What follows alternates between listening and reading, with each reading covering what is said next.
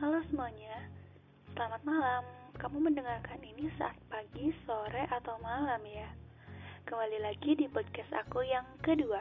Tentunya di podcast ini kita akan berdiskusi mengenai perbedaan RAL, RAK, dan faktorial.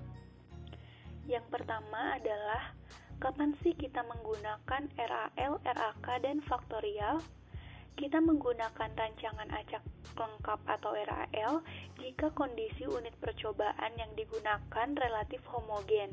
Artinya nih, faktor-faktor lain tuh dianggap tidak akan berpengaruh terhadap faktor yang akan kita amati.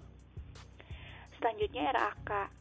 Rancangan acak kelompok atau RAK digunakan ketika unit percobaannya tidak homogen.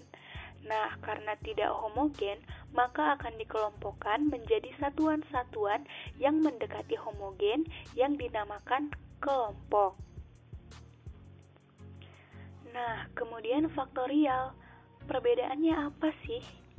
Jika RAL homogen, RAK tidak homogen, faktorial digunakan ketika percobaannya sebanyak dua faktor atau lebih. Faktorial ini terbagi menjadi dua, yaitu RAL faktorial dan RAK faktorial.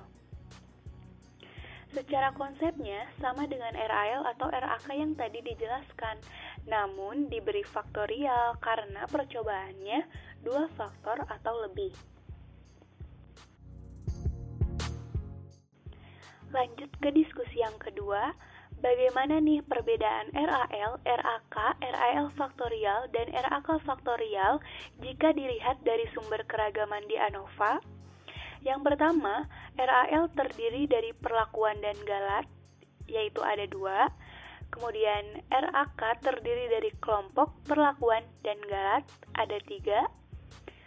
Kemudian RAL faktorial terdiri dari perlakuan, A, B, AB, dan galat ada 5. Kemudian RAK faktorial terdiri dari kelompok perlakuan L, M, P, LM, LP, MP, LMP, dan galat, yaitu ada 10. Lanjut ke diskusi yang terakhir, yaitu kelebihan dan kekurangan dari RAL dan RAK. Yang pertama kita bahas RAL dulu ya. Untuk kelebihannya, yang pertama rancangan percobaannya lebih mudah. Yang kedua, apabila jumlah perlakuan hanya sedikit, maka derajat bebas galatnya juga kecil. Yang ketiga, fleksibel dalam jumlah penggunaan perlakuan dan ulangan. Yang keempat, tidak memerlukan tingkat pemahaman yang tinggi mengenai bahan percobaan. Kemudian kekurangan RAL antara lain adalah ada tiga. Yang pertama, terkadang tidak efisien. Yang kedua, tingkat ketepatan atau presisi mungkin tidak terlalu memuaskan kecuali unit percobaan benar-benar homogen. Kemudian yang ketiga, pengulangan percobaan yang sama mungkin tidak konsisten atau lemah apabila satuan percobaan tidak benar-benar homogen, terutama apabila jumlah ulangannya sedikit.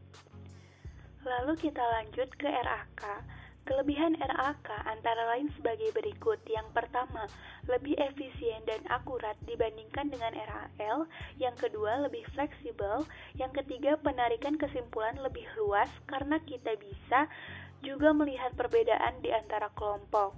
Kemudian kekurangan RAK antara lain adalah yang pertama, interaksi antar kelompok perlakuan sangat sulit.